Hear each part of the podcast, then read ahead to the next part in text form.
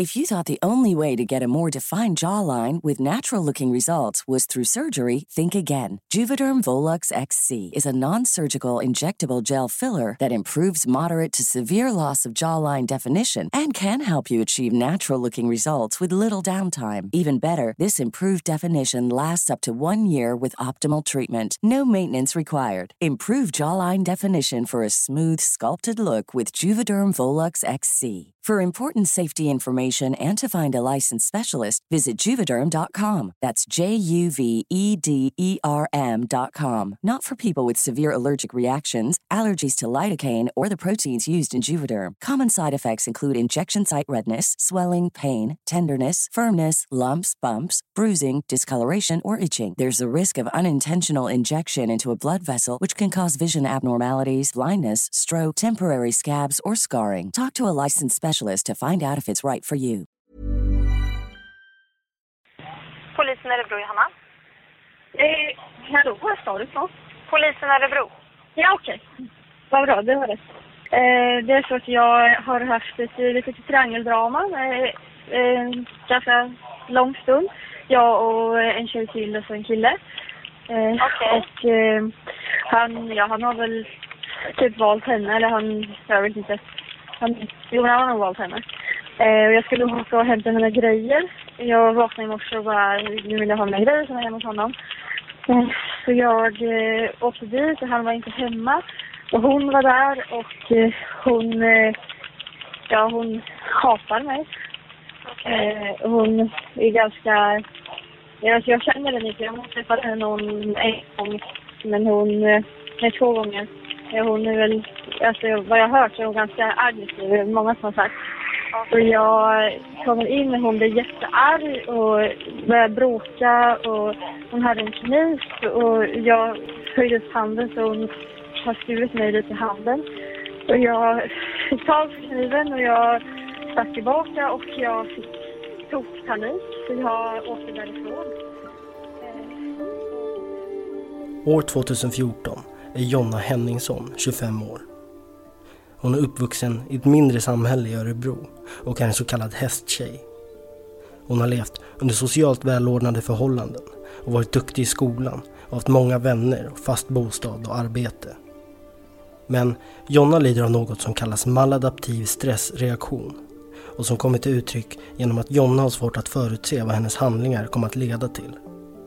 Vid stressade situationer har man med denna diagnos svårt att tänka klart och är mer benägen att hamna i långvariga depressioner och kraftig ångest. Det är en diagnos som är svårfastställd och enligt vissa även något av en hittepå-diagnos med resonemanget att de allra flesta har i sig att agera irrationellt vid motgångar eller i stressade situationer. Men det är nog inte alla som vid motgångar i ett så kallat triangeldrama utrustar sig med en hovslagarhammare, en kniv och två sprutor spetsade med sömnmedel och sprit för att sedan åka och hugga ihjäl sin kärleksrival och därefter såga upp hennes kroppsdelar. På det sätt som Jonna Henningsson gör den 18 juni 2014. Du lyssnar på Rättegångspodden om styckmordet i Askersund. Jag heter Nils Bergman. Då är vi på gång och då är det förhör med Jonna Henningsson. Varsågod.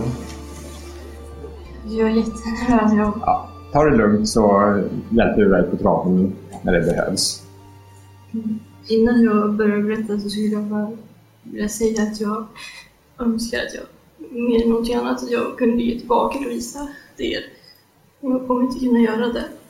Jag är jätte, jätteledsen. Jag kan inte förlåta mig själv så jag kommer aldrig kunna be om er förlåtelse.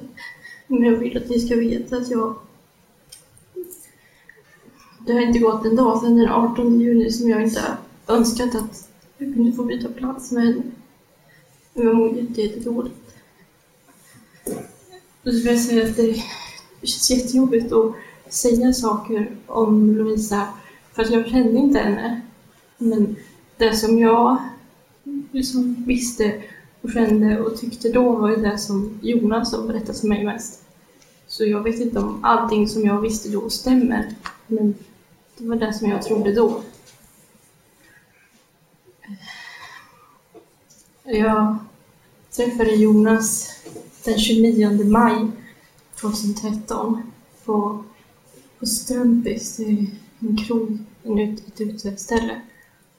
Eh, och jag, alltså från första sekund jag såg honom så alltså jag kan inte riktigt förklara det.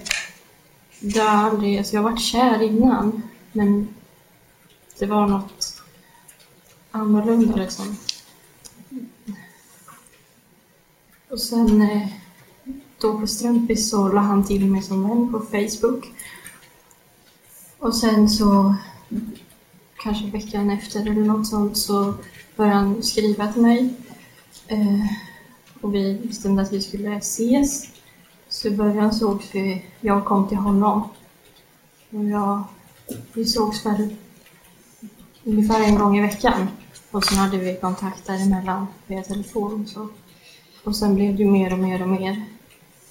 Det, alltså relationen till honom har liksom varit... Han har varit som en drog för mig nästan. Alltså det har... Ja, jag kan inte förklara det bättre än att det, han, han har varit som en drog. Eh, och liksom allt har kretsat kring honom. Eh, och det var... Alltså vi har haft det jätte, jättebra. Och han, alltså han säger saker. Han liksom kan kalla en ens blivande fru och han säger, säger mamma till hans kommande barn och sådana saker. Men det är liksom... Jag har liksom aldrig hört sånt innan så det var... Man blev liksom helt frälst. Och sen... Jonna berättar vidare att hon och Jonas sågs fram till julen 2013. Men att det hela blev något struligt mot slutet. Jonas vill ses mindre och mindre och förhållandet verkar ebba ut. Detta tar hårt på Jonna, som uppger att hon i början av 2014 börjar festa och dricka allt mer. Jonas åker i sin tur till Thailand men börjar där ta upp kontakten med Jonna igen. Jonna upplever kontakten som positiv, men när Jonas kommer hem verkar han återigen vara distanserande. Jonna blir förvirrad och åker hem till honom och frågar hur han kan vara gullig mot henne ibland men sen helt sluta hålla kontakten. Eh, men då, alltså han svarade inte någonting på det.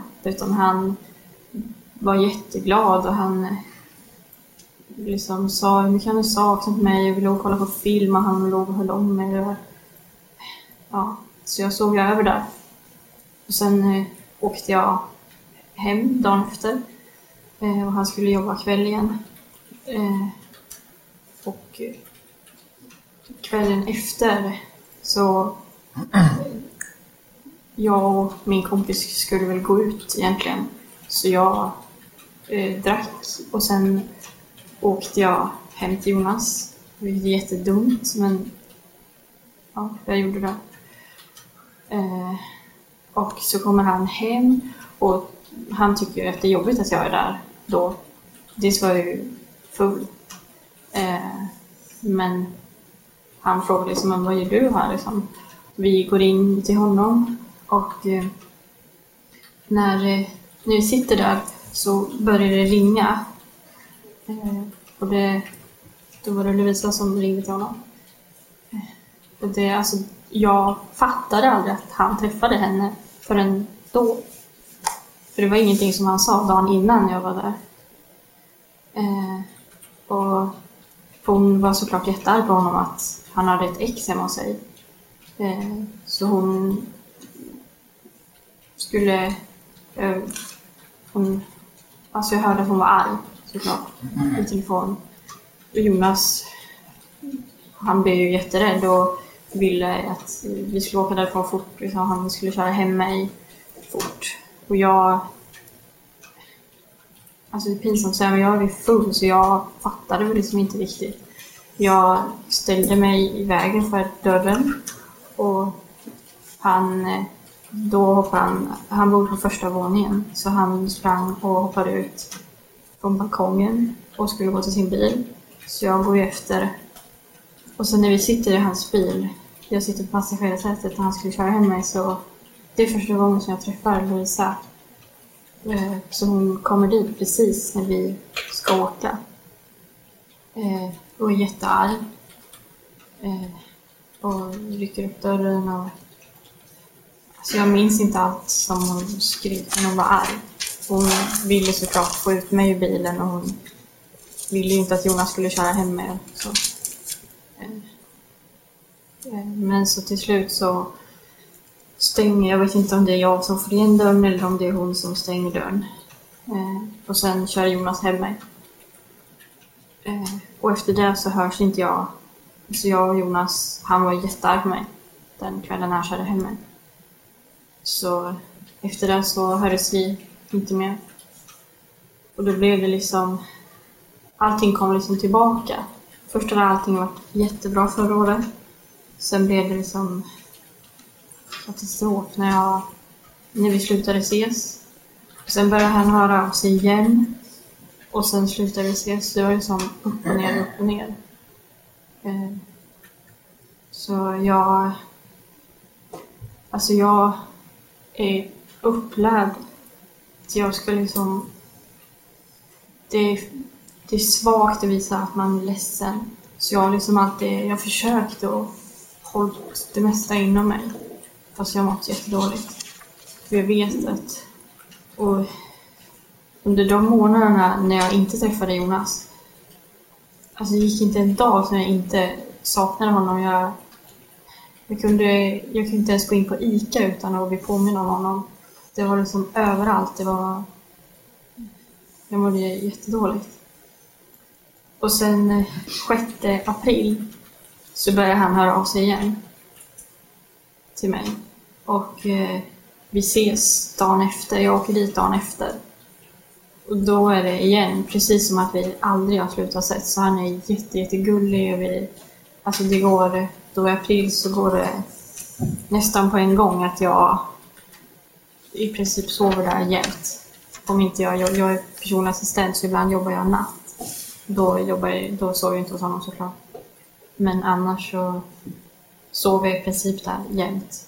Och vi hördes varje dag. Han... Ja, det blev... Alltså det kändes jättebra igen. Och sen i maj, början av maj, så åkte jag till Tyskland med två tjejkompisar. Jonna åker till Tyskland med några vänner för att gå på ett bröllop. Hon har kontakt med Jonas över telefon och allt verkar bra. Men en kväll upptäcker hon att Lovisa syns högst upp på Jonas Snapchat-lista. Vilket indikerar att det är de två som skriver som mest till varandra av alla i deras vännerlistor. Och Jonna vet att Jonas och Lovisa känt varandra sedan länge. Men hon tycker inte om att de båda tagit kontakt med varandra så fort Jonna åkt utomlands. Och utöver att hon känner sig besvärad över detta så börjar hon känna sig konstig på andra sätt när hon väl kommer hem från resan. Veckan efter, jag tror att det är veckan efter Tyskland, så... Eh, alltså det började redan i Tyskland att jag... Det kändes annorlunda i magen på något sätt. Eh, men när jag var i Tyskland så tänkte jag mest att alltså vi drack ju nästan varenda dag. Och åt tysk mat och så, så jag tänkte att det kanske det kanske inte betyder något. Men sen kom jag hem och det fortsatte. Eh, och så gjorde jag, jag köpte ett sån här graviditetssticka och, eh, och testade. Och det var positivt. Och det var... Det var jobbigt. För att... Så jag var, var inte redo att få barn och jag... Alltså jag bodde ihop med mitt ex och alltså Jonas är ju liksom... Han är liksom ostabil och så att det kändes väl sådär. Och först hade jag, alltså jag, jag tror inte ens jag, i början ville jag väl inte, jag ville liksom inte säga det till honom egentligen. Men sen sa jag det till honom. I alla fall. Och han, alltså han blev ju knäckt. Han tyckte det var jättejobbigt. Eh, och han tyckte att jag skulle i princip springa till sjukhuset och göra abort. Det var väl inte riktigt... Alltså jag, jag hade ingen tanke på att, att behålla det. Men eh, det var ändå... Alltså jag ville inte springa till sjukhuset och göra det. Utan jag tyckte... Alltså jag ville liksom tänka och jag tyckte det var jobbigt att liksom ta kontakten just och, och ringa och boka tid. Så det liksom blev inte av. Men... Och när, alltså Jonas var ju jätteledsen. Och jag tyckte det var jobbigt att se honom jätteledsen. Eh, så jag sa till honom att jag hade bokat tid och att, jag, att det var liksom över. Och det är alltså... Jag vet ju vad jag tänkte. För att jag... Alltså jag... Jag tänkte att men jag säger det här till honom och sen fixar jag det själv så behöver han... Alltså, han behöver liksom inte lida i onödan. För att jag tyckte att det var så jobbigt att se honom ledsen. Efter detta berättar Jonna att det uppstår kaos mellan henne, Jonas och Lovisa. Enligt Jonna är det främst Lovisa som kontaktar Jonas och inte tvärtom. Men hon upplever att Jonas velar fram och tillbaka mellan vem av dem han ska välja. En kväll senare i maj kommer de alla tre att träffas på samma uteställe på en after work. Det... Alltså Jonas var jättefull. Eh, men han... Alltså både jag och Lisa stod ju där och sa liksom att men välj en av oss. Nu liksom, alltså, då vet vi det. Men det kunde han inte. Så att det var ju liksom... Ja. Det blev liksom, vi kom inte fram till någonting. För han kunde inte säga någonting. Och sen vet jag vi gick till en mack som är precis bredvid där. Och eh, de eh, jobbarkompisarna tror jag, det var någon som köpte någon korv och sånt där. Och sen skulle vi gå till hotellet som ligger jättenära. När vi går eh, så blir jag jätteillamående och får häva mig över det är en bro där, så jag fick häva mig över och kräkas. Och då är det en tjej i, jag tror inte hon är jobbarkompis, men hon är kompis till dem, till Jonas och jobbarkompisarna. Hon var med och jag hade suttit och pratat med henne lite innan. Och hon frågade direkt, för hon, hon eh, hade två, hon har två barn. Så hon frågade liksom direkt, är du gravid? Eh, så då fick jag säga att ja, det är Eh, och hon säger det till Jonas. Eh, och han... Alltså han blev ju arg att jag hade ljugit om det för han, kan inte, han kunde inte förstå varför jag hade ljugit om det. Att jag hade gjort abort.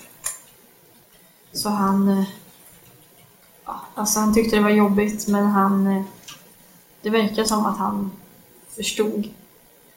Eh, och på kvällen så sa han att han, hade, han och Lisa hade pratat nu och de skulle inte höras mer utan de... Ja, han har liksom valt mig. Och det kändes skönt. Mm. Gällande graviditeten berättar Jonna senare i polisförhör att när Jonas trodde att hon var gravid så var han jättegullig mot henne. Men när hon uppgett att hon gjort abort så var han distanserad och visste återigen inte vem av dem han skulle välja. När han sedan fick reda på att Jonna inte gjort abort så var han jättegullig igen. Men under den veckan så hände det någonting. Den veckan som det var bra eh, så började jag blöda. Och det var... Alltså det var jobbigt. Sam, alltså samtidigt så jag... Jag visste ju att jag inte ville ha barnet, men det var ändå jobbigt att börja blöda. Eh, och jag gjorde en sån test igen efter det. Och då var det negativt. Så alltså jag antar att jag fick missfall. Eh, förlåt, jag hoppar. Eh, och sen eh, en vecka från måndag till söndag så sov jag hos Jonas hela tiden. Eh, och vi hade jättebra. Alltså vi åkte hans cab massa och ja, vi hade det jättemysigt och jättebra. Sen på söndagnatten, jättesent, halv två, två, eh, när vi, vi låg och kollade på film hemma hos honom. Och då ringde Lovisa. Eh, och han gick iväg till köket och pratade med henne. Och jag var kvar i sovrummet. Då liksom, alltså allt kom ju tillbaka så jag liksom fick springa och kräkas direkt. Så Jonna antar att hon har fått missfall. Hon uppger att allting återigen känns bra mellan henne och Jonas. Fram till veckan efter, då Jonna blir väldigt upprörd över att Lovisa återigen ringer till Jonas, som då går iväg för att prata med henne. En något hetsk stämning uppstår och Jonna säger att hon vill gå hem. Men Jonas ber om ursäkt och ber henne stanna kvar. Jonna stannar över natten, men väljer att åka hem tidigt morgonen efter. Väl hemma drabbas hon av ånger och smsar Jonas och ber själv om ursäkt över att hon överreagerade. Hon skriver att hon nu vill åka tillbaka till honom, men får då som svar att han helst vill vara ensam just nu. Detta är första gången, enligt Jonna, som han säger något sådant och det tar hårt på henne. Hon börjar då koka ihop en plan för att få Jonas att återigen tycka synd om henne. En något magstark plan som också leder till en oanad effekt för protokollföraren i tingsrätten.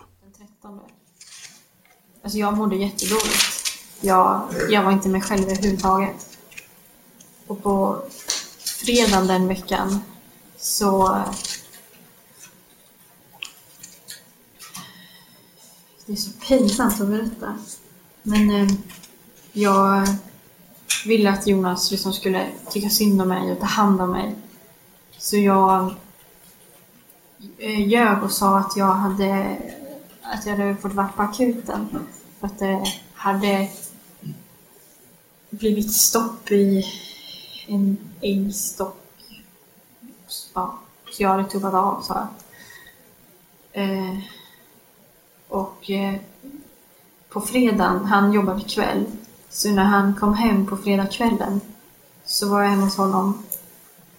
Eh, och innan det så hade jag eh, tagit en kniv och skurit i alltså här under mage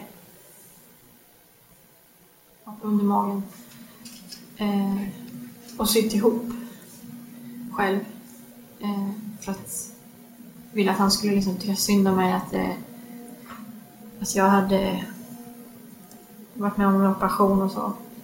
Det, han, eh, han kom ju hem på kvällen och jag minns inte om jag Vänta, vänta nu. Oj.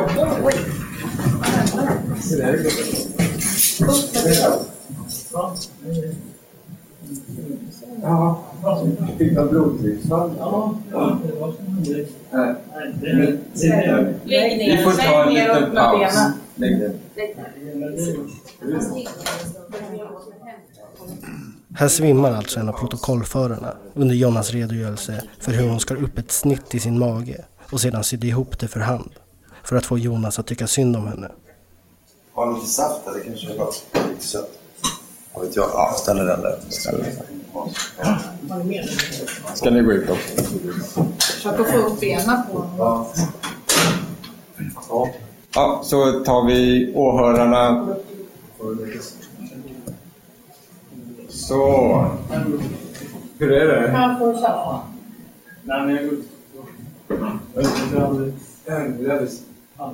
Du sitter själv i magen. Fredag den 13. Ja.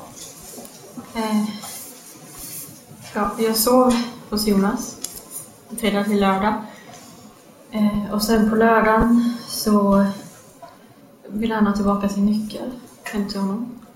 Eh, och jag tyckte det var jobbigt att ge den för att han, han sa aldrig att det var slut. Han sa att han ville vara själv och tänka. Och jag frågade rakt ut om han skulle träffa Lovisa.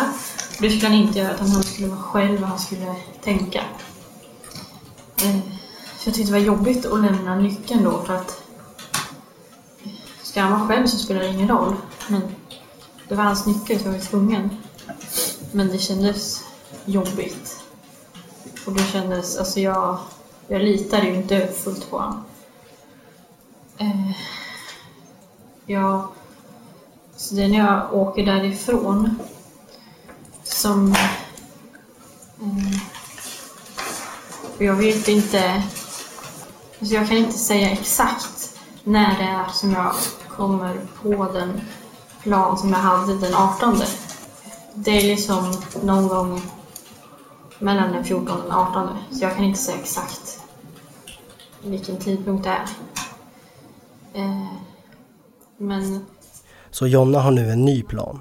Och exakt vad den planen är tänkt att gå ut på kommer senare att försöka redas ut. Men det hela leder i alla fall till att Jonna tar livet av Lovisa för att sedan stycka hennes kropp.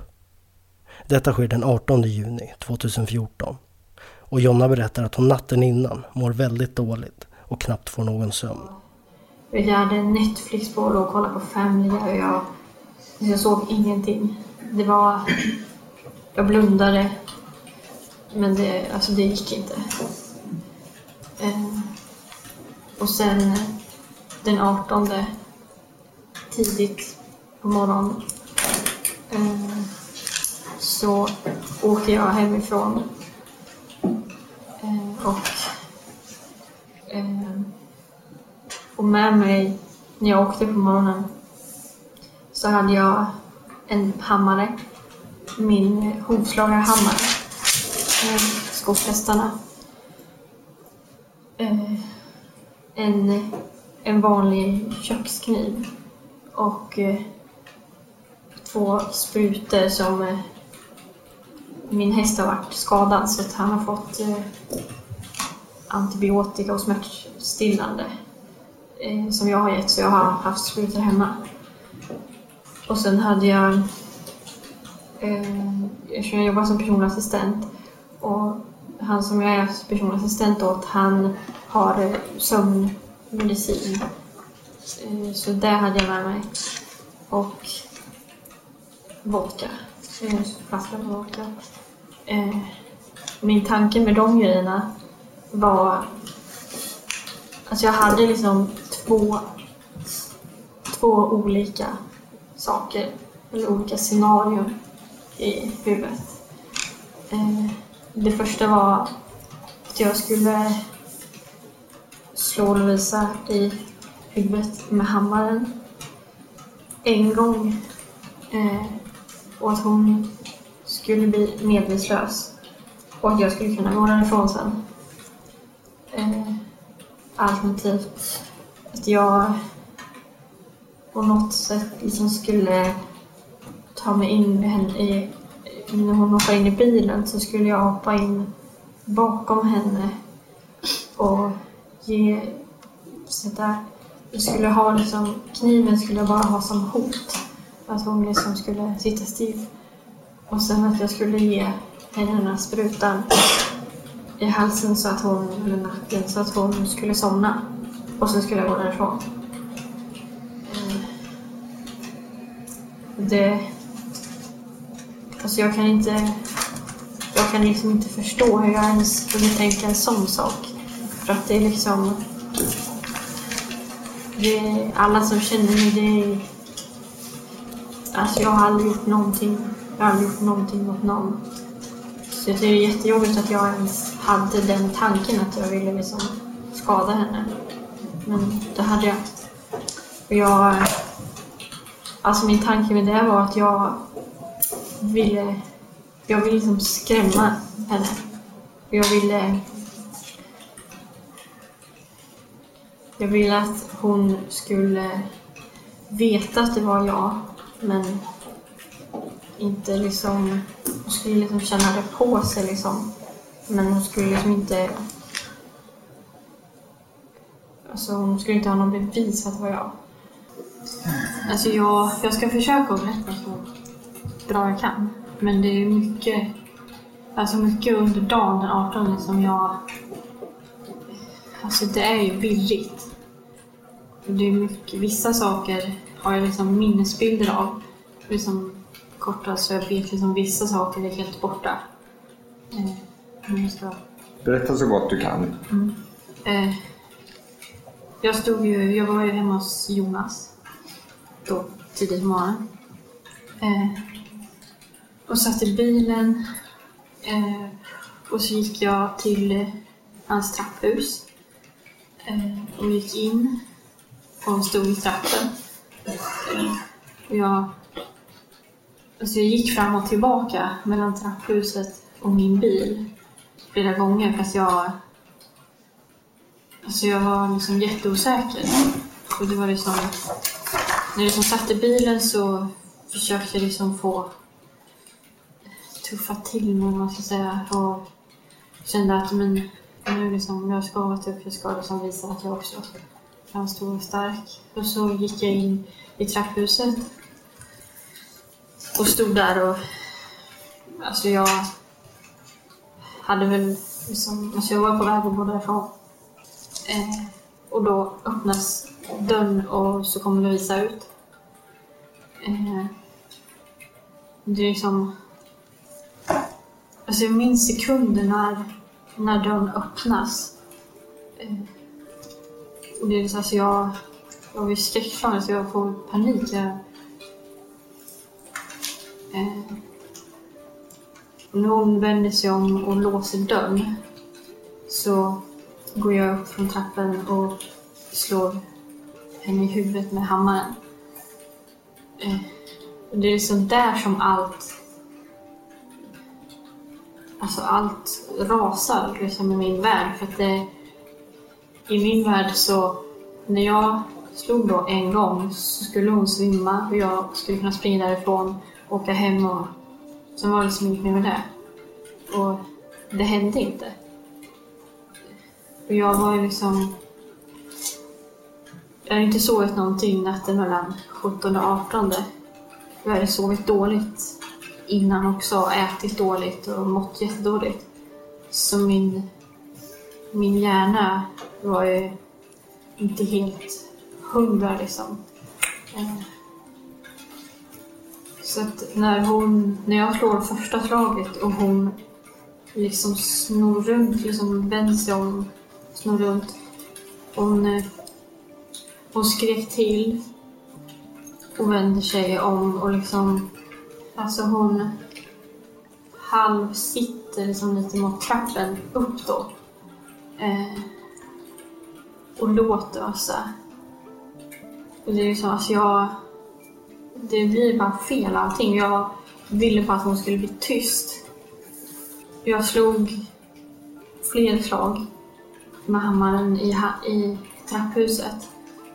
Det händer ingenting.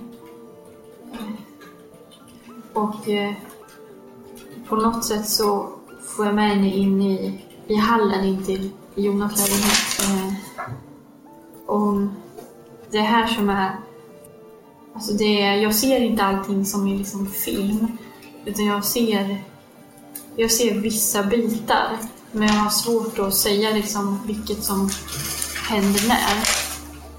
Men jag drog in henne i badrummet. Då började eh, plinga på dörrklockan. Alltså det, var, det plingade hela tiden. Och det... I badrummet så... Alltså jag har liksom en bild när det var en handduk där inne. Så jag har en bild när liksom jag håller ju för handduken så, liksom, så att det inte ska höras att hon skriker, att hon låter och skriker. Det är liksom en av de minnesbilderna som jag har. När jag liksom håller för handduken så skriker, alltså det låter nästan mer när, jag håller för.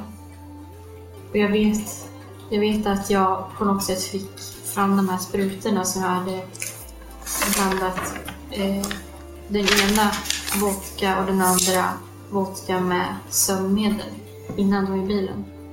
Eh, och jag, det är också så här tydlig bild som jag har att jag, jag sätter i alla fall en av nålarna i, i, eller sprutan i nacken. Men att alltså Lisa rörde sig jättemycket. Och den, alltså den gick isär. Den gick liksom i två bitar så att jag åkte ut. Och jag har liksom en att, att jag ser nålen sitta kvar i nacken. Eh, och jag hade kniven och försökte att hon skulle bli tyst. Och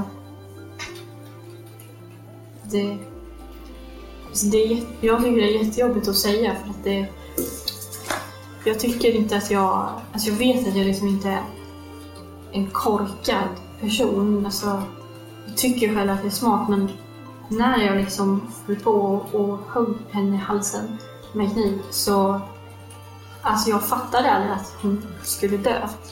Och det, alltså det går inte ihop. Jag förstår inte hur jag inte kunde fatta det. Jag tänkte aldrig utan jag ville att hon, så jag ville bara få tyst på henne. Det var liksom panik. Hon lät, dörrklockan ringde. Eh, det, alltså det var kaos. Det enda jag tänkte var att jag måste få tyst på henne. Och jag vet att jag, jag sa flera, flera gånger liksom under allt det här kaoset. Eh, snälla var tyst så jag kan sluta, snälla var tyst så jag kan sluta. Eh, fast jag tyckte, alltså blev liksom inte tyst om min kniv. Det, det hände ingenting kändes det som. Eh, så jag hämtade den andra kniven. Och alltså mitt minne är att jag bara högg den en gång. Och den var liksom, alltså den var ju skarpare och alltså den gick liksom in. Eh, jag, alltså jag vet inte om det stämmer att jag, jag min minnesbild är i alla fall att jag bara högg en gång om den. Och det är då som hon blir tyst och still. Det är liksom först då när hon, när hon blir tyst och still och dörrklockan slutar ringa. Det är då som jag fattar att, att hon dör.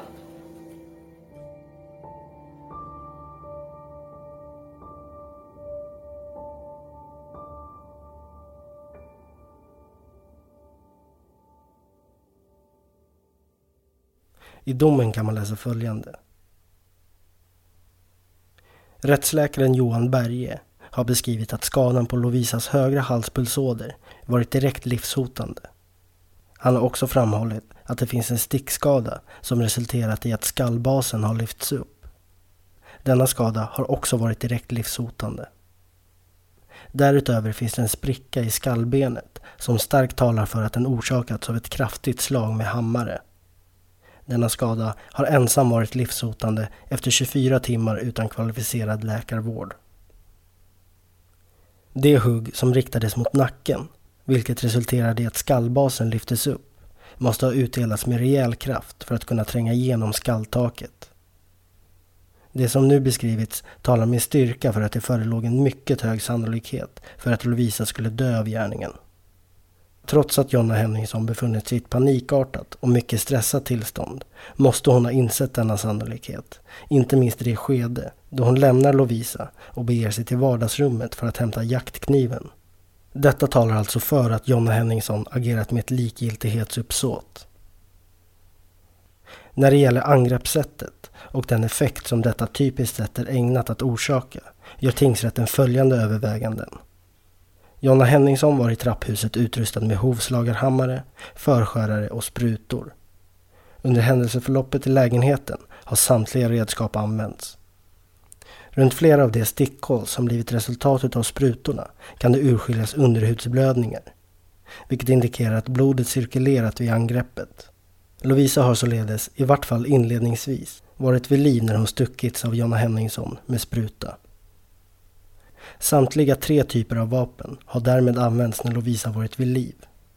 Det sätt på vilket hammaren och kniven används kan allmänt sett anses vara förenat med livsfara. Det är därutöver klarlagt att samtliga tillhyggen används upprepade gånger och att både hammaren och kniven används med stor kraft. If you're looking for plump lips that last, you need to know about Juvederm lip fillers. With Juvederm Volbella XC and Juvederm Ultra XC, your lip look, whether it's subtle or bold, can last up to one full year with optimal treatment and no additional maintenance. Find a licensed specialist and see if it's right for you at juvederm.com today. That's J U V E D E R M.com. Add fullness to lips in adults over 21 with Juvederm Volbella XC or Juvederm Ultra XC. Do not use if you have severe allergies or a history of severe allergic reactions, or if you're allergic to lidocaine or the proteins used in Juvederm. Tell your doctor if you have a history of scarring or taking medicines that decrease the body's immune response or that can prolong bleeding. Common side effects include injection site redness, swelling, pain, tenderness, firmness, lumps, bumps, bruising, discoloration, or itching. As with all fillers, there's a rare risk of unintentional injection into a blood vessel, which can cause vision abnormalities, blindness, stroke, temporary scabs, or scarring. For full important safety information, visit juvederm.com. Vid denna bedömning har det också betydelse att Jonna Henningsson gått iväg och hämtat en skarpare kniv för att Lovisa inte blev tyst av den kniv Jonna Henningsson själv hade med sig. Det har sammantaget varit en fråga om ett mycket hänsynslöst agerande som talar för att Jonna Henningsson uppvisat en likgiltighet inför Lovisas liv. Ja, Eh, jag... Alltså det här, jag hade liksom inte... Det här fanns liksom inte på min, min världsbild att det här skulle kunna hända så att det... Jag hade ingen plan överhuvudtaget vad som skulle hända. Eh, jag... Alltså... Så i efterhand, alltså jag önskar att jag hade ringt polisen direkt. Men tyvärr så gjorde jag inte det. Och jag, alltså jag ville... Eh, jag ville liksom få bort henne härifrån. Och jag kände alltså... Det var liksom hemma hos Jonas. Jag, jag ville inte att han skulle komma hem och se det. Jag ville liksom... Jag ville bara få bort henne därifrån. Och sen eh, så jag åkte hem till mig. Eh, till Ljusdal. och hämtade den här stora eh, Ullarydspåsen. Och åkte tillbaka och försöker liksom få i mig där. Det gick ju inte överhuvudtaget. Alltså det, det är också så hade jag hade min hjärna liksom funkat som den skulle så borde jag fattat att det aldrig skulle funka. Men det... Ja, det gick inte in då. Jag vet att jag, alltså jag försökte, det gick inte. Jag gick ut till, till, till bilen och gick tillbaka och tänkte att men, nu kommer det gå. Det var likadant igen. Jag vet att jag flyttade min bil till precis till porten, portingången. Liksom tänkte att den här gången kommer det gå och sen liksom, ska inte bära så långt. Det gick ju inte ändå. Eh, jag vet att då under den här tiden, första gången som jag var tillbaka så flyttade jag på Lovisas bil. Eh, för att jag ville ju... Alltså, jag hade jättegärna att hon skulle komma liksom, och se hennes bil, så jag ville ju liksom att hennes bil skulle inte stå där. Eh, och jag vet att jag städade i hallen också. Och sen att jag försökte med den här underlivspåsen flera gånger. Vad sa du? Försökte med påsen flera gånger. Ja, vilken påse? Ullarydspåsen. Okej, tack. Eh, och det gick ju inte någon gång. Och sen så till slut så åkte jag hem igen. Det, det är då andra gången som jag är hemma som jag hämtar sov och, och, och eh, Ikea-påsarna. Och det... Alltså jag kan inte säga om jag visste den, att jag liksom skulle hämta den när jag var på väg hem eller om det liksom blev när jag kom hem. Jag vill liksom inte komma på när jag kom på liksom vad jag skulle göra. Jag vet bara att jag åkte hem och hämtade den. Eh. Och sen när jag åkte tillbaka så åkte jag vid Brändåsen. Eh, det är då som polisen står där och så kör för fort, så de tar mig. Eh.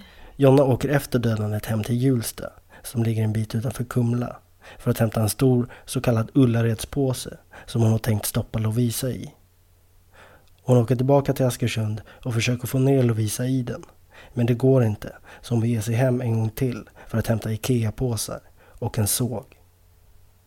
På väg tillbaka till Jonas lägenhet den här andra gången kör hon i 79 på en 70-väg och blir då stannad av polisen. I förhör berättar Jonna om hur nervös hon är. Att hon tror att polisen förstår vad hon har gjort och kommer att göra eftersom hon sitter där med en såg bredvid sig. Men polisen anar inget oråd utan utfärdar bara en fortkörningsböter. Jonna berättar själv ingenting om vad som har hänt för polisen och får köra vidare.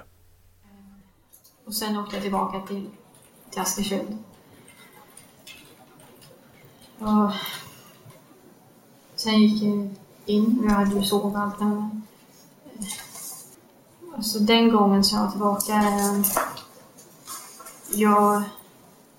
Alltså allt jag ser när jag tänker på den gången är att... Eh, alltså jag ser...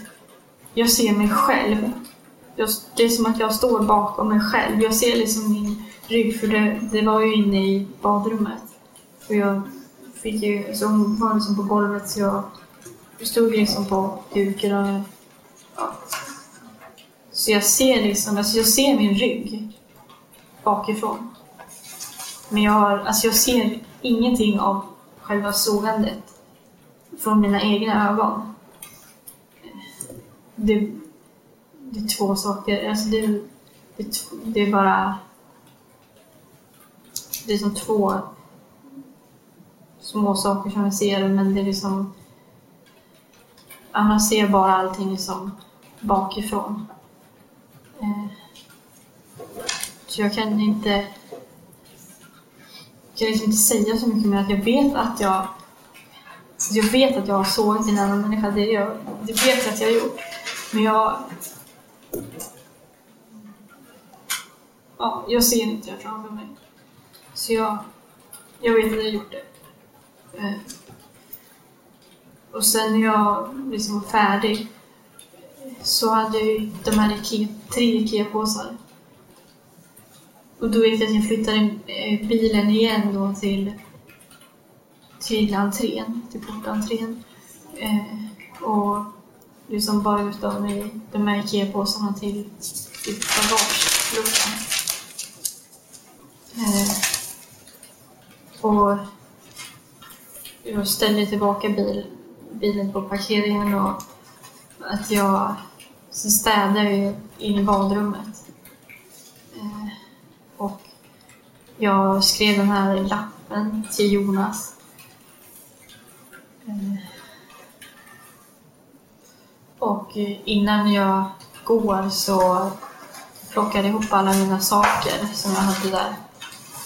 Eh, och eh, precis innan jag går så knackar jag på hos grannen mitt över. Och för att hon, det var hon som hade plingat på på morgonen.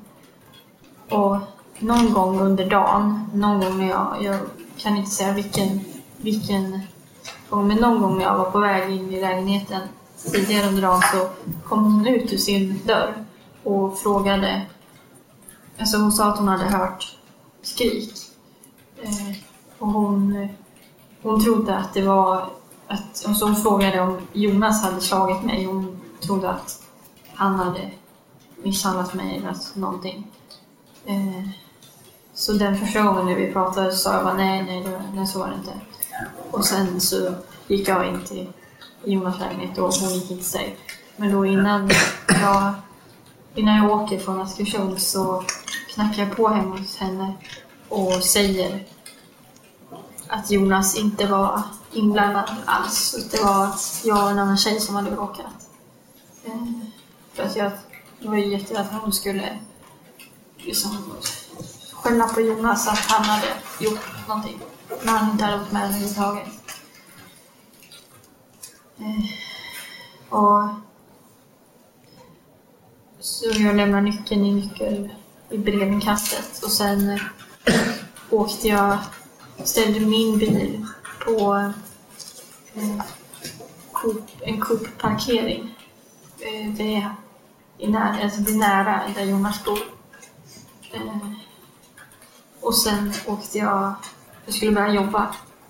Eh, och då åkte jag ju i Lovisas bil. Så Jonna lämnar sin egna bil med Lovisas kroppsdelar i på en parkering vid en närliggande Coop och kör sedan i Lovisas bil till sitt jobb på ett stall. Väl där reagerar inte hennes kollegor på något speciellt gällande Jonnas uppsyn. Men reagerar däremot på att hon har en sårskada i handen. En sårskada Jonna fick i samband med dödandet av Lovisa. Men till kollegorna säger hon att hon har varit i Askersund och bara bråkat med en tjej och att skadan uppkom då. Hon nämner alltså ingenting mer om vad som har hänt. Jonna och en kollega åker då till vårdcentralen och får såret ihoplimmat. Och ungefär då, vid 16-tiden, ringer även Jonas upp Jonna och säger att han inte kan få tag på Lovisa. Eftersom Jonna har lämnat en lapp efter sig hemma hos Jonas, som vi kommer komma in på mer i del 2. Men där bland annat står att Jonna har varit i lägenheten och hämtat sina grejer. Undrar Jonas om hon också råkar veta var Lovisa nu befinner sig.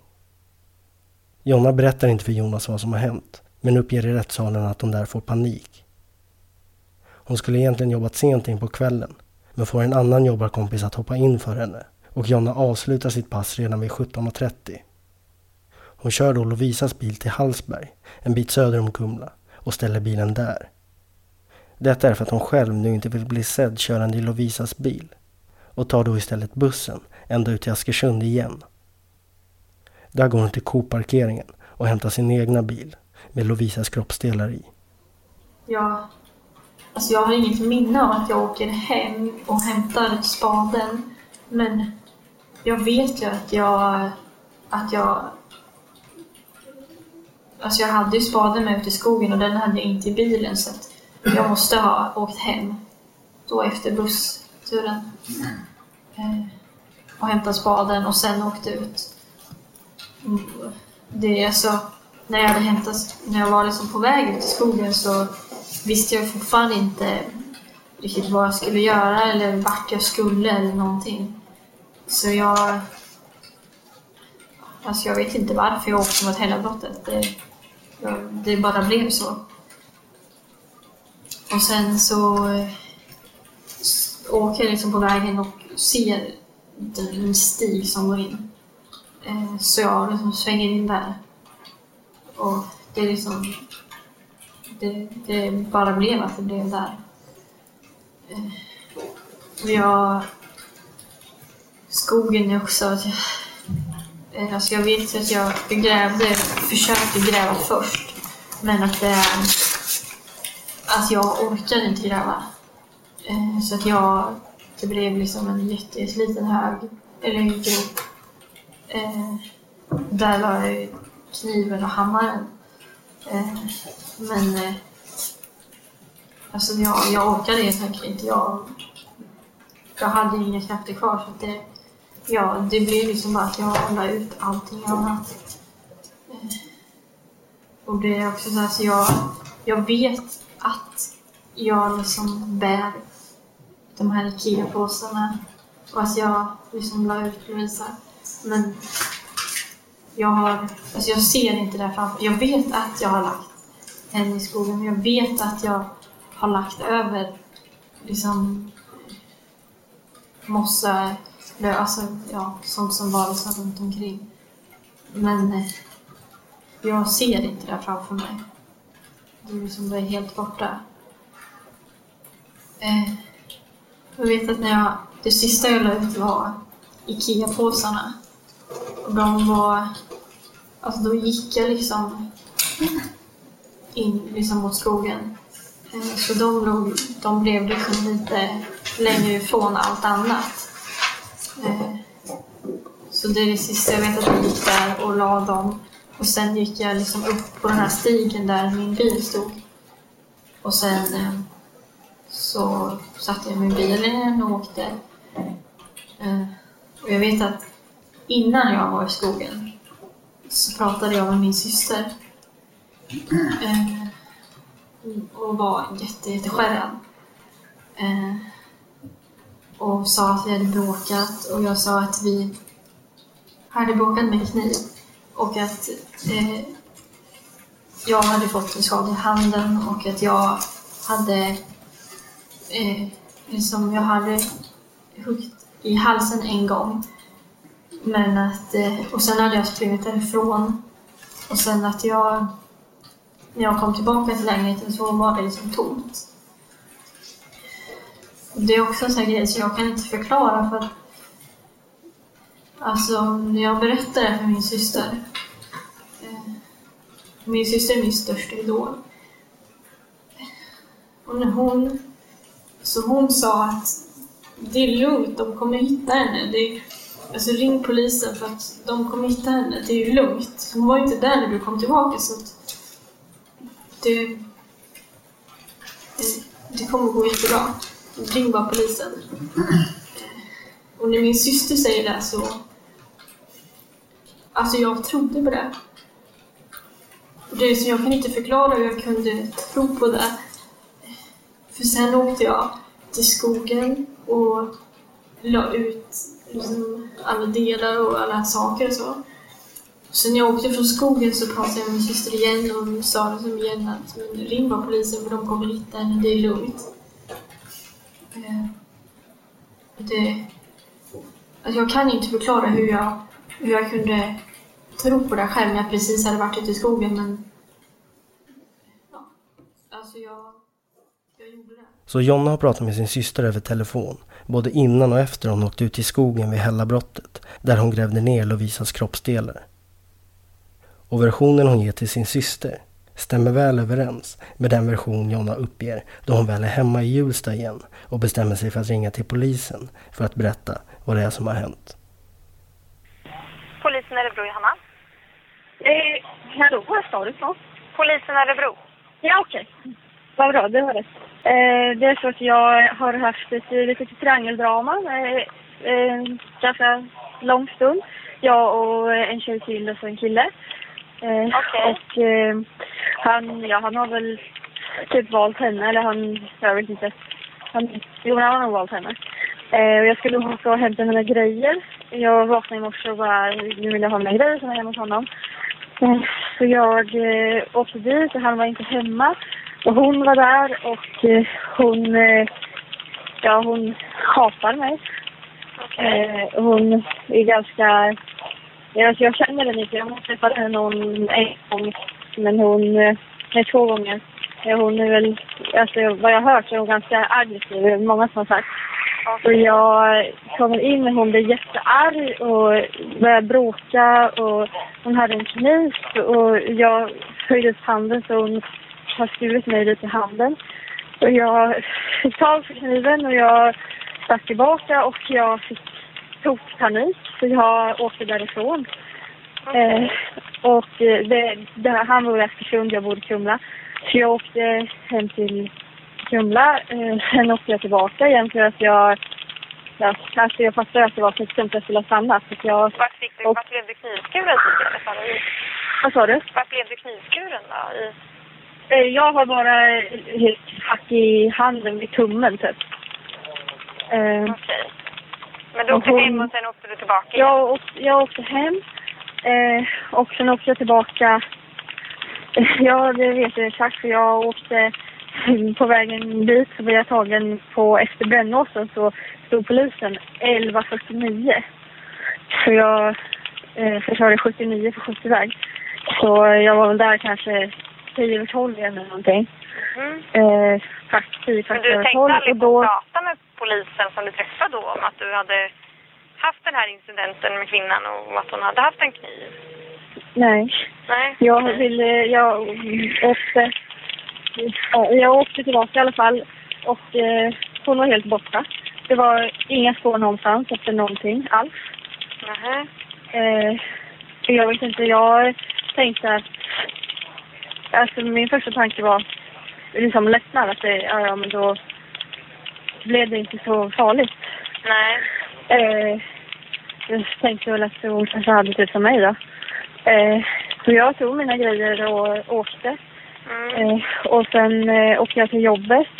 Och sen så började den här killen ringa när han slutade jobbet och så frågar vart eh, tjejen är. Och jag sa jag, jag vet inte.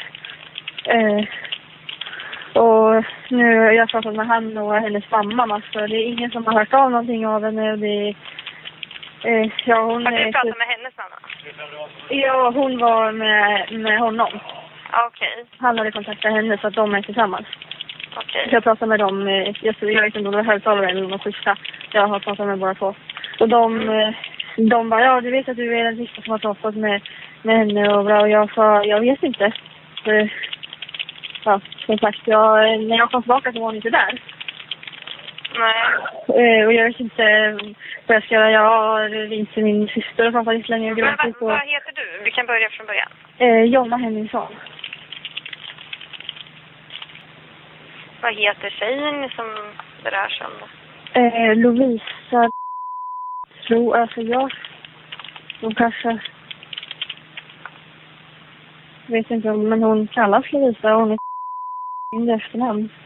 Jag vet inte om hon, jag antar att det är hennes, jag känner henne inte, typ, alltså jag känner inte henne men, Bor hon i Kumla? Nej hon, eh, eh, jag tror att hon bor i Finkgruvan. Okej. Grejen är att det var ju, någon måste ju ha gjort rent för det var ju, det var ju liksom blod efter hans båda. Det var det inte när jag kom tillbaka. Så blev hon också skadad, eller? Ja, precis. Är sant det. Nej. Okej. Eh, och jag, hon stack mig och jag fick ta på kniven och stack tillbaka och blev jätterädd och fick panik och gick sprang därifrån. Och en granne hörde bråket också. Men ta det där igen. Du, hon visade kniven. Mm. Jag satte, jag eh, satte upp eh, händerna som försvar liksom.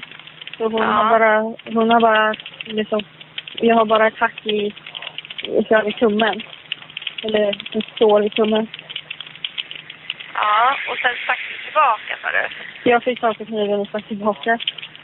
Och Vart fick vart stack panik du henne då? ja. Eh, alltså. mm, Typ hals, axel, alltså. Ja. Uppåt liksom. Och sen blir jag jätterädd och sprang ifrån och det visste är eh, svindumt. Men jag, ja, jag kan inte göra så mycket med hotet. Och sen åkte jag tillbaka och då var hon inte där och det var inget spår efter någonting alls. Nej, var, var det mycket blod henne? Jag förstår att det kan inte vara så jättemycket från dig om du fick Nej, mig var det nog inte så mycket. Nej, men, men det var mycket blod då från henne. Ja. Alltså Ja. jag sprang därifrån ganska fort. Men ja, det,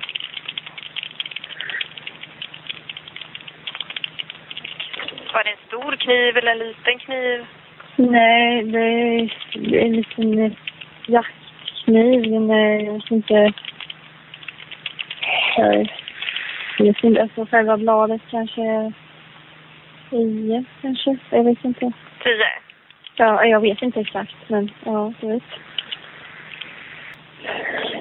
Jag är, jag är jätterädd att, eh, alltså, jag vet alltså tänk om jag har haft ihjäl henne och hon är någonstans.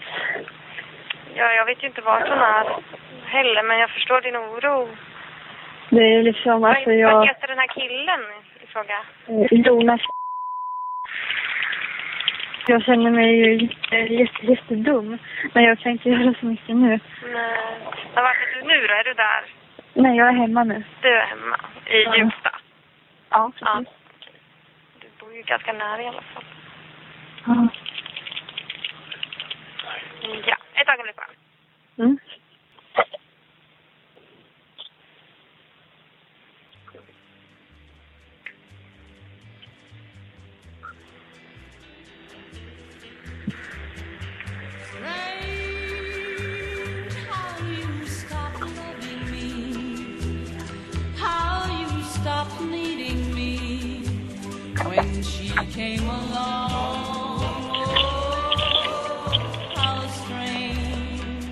Hallå?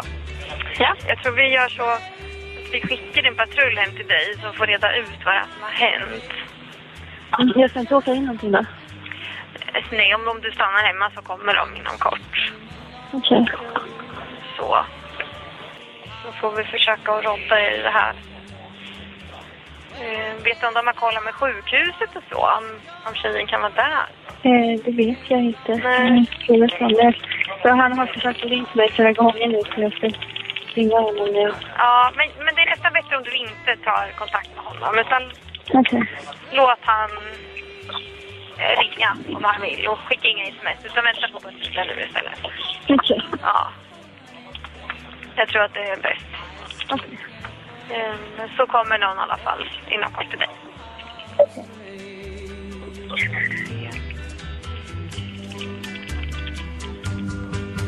Well, I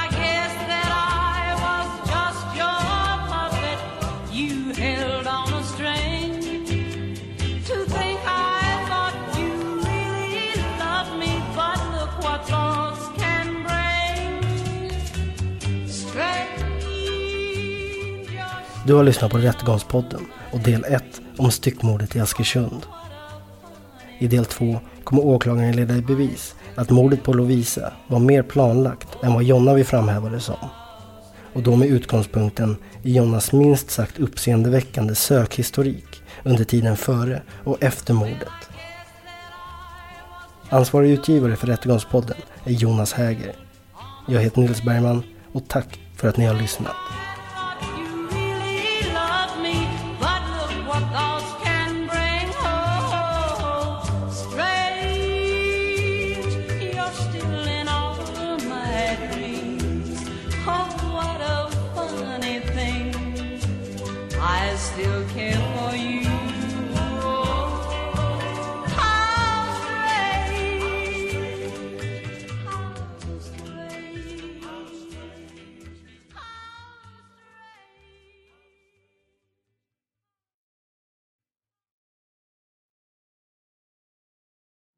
Rättegångspodden är en Tall Tale produktion.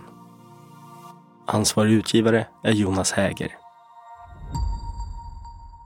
Och Rättegångspodden görs i samarbete med Lexbase. Ange rabattkoden Rättegångspodden när du blir ny betalande medlem på lexbase.se och få tre kostnadsfria domar.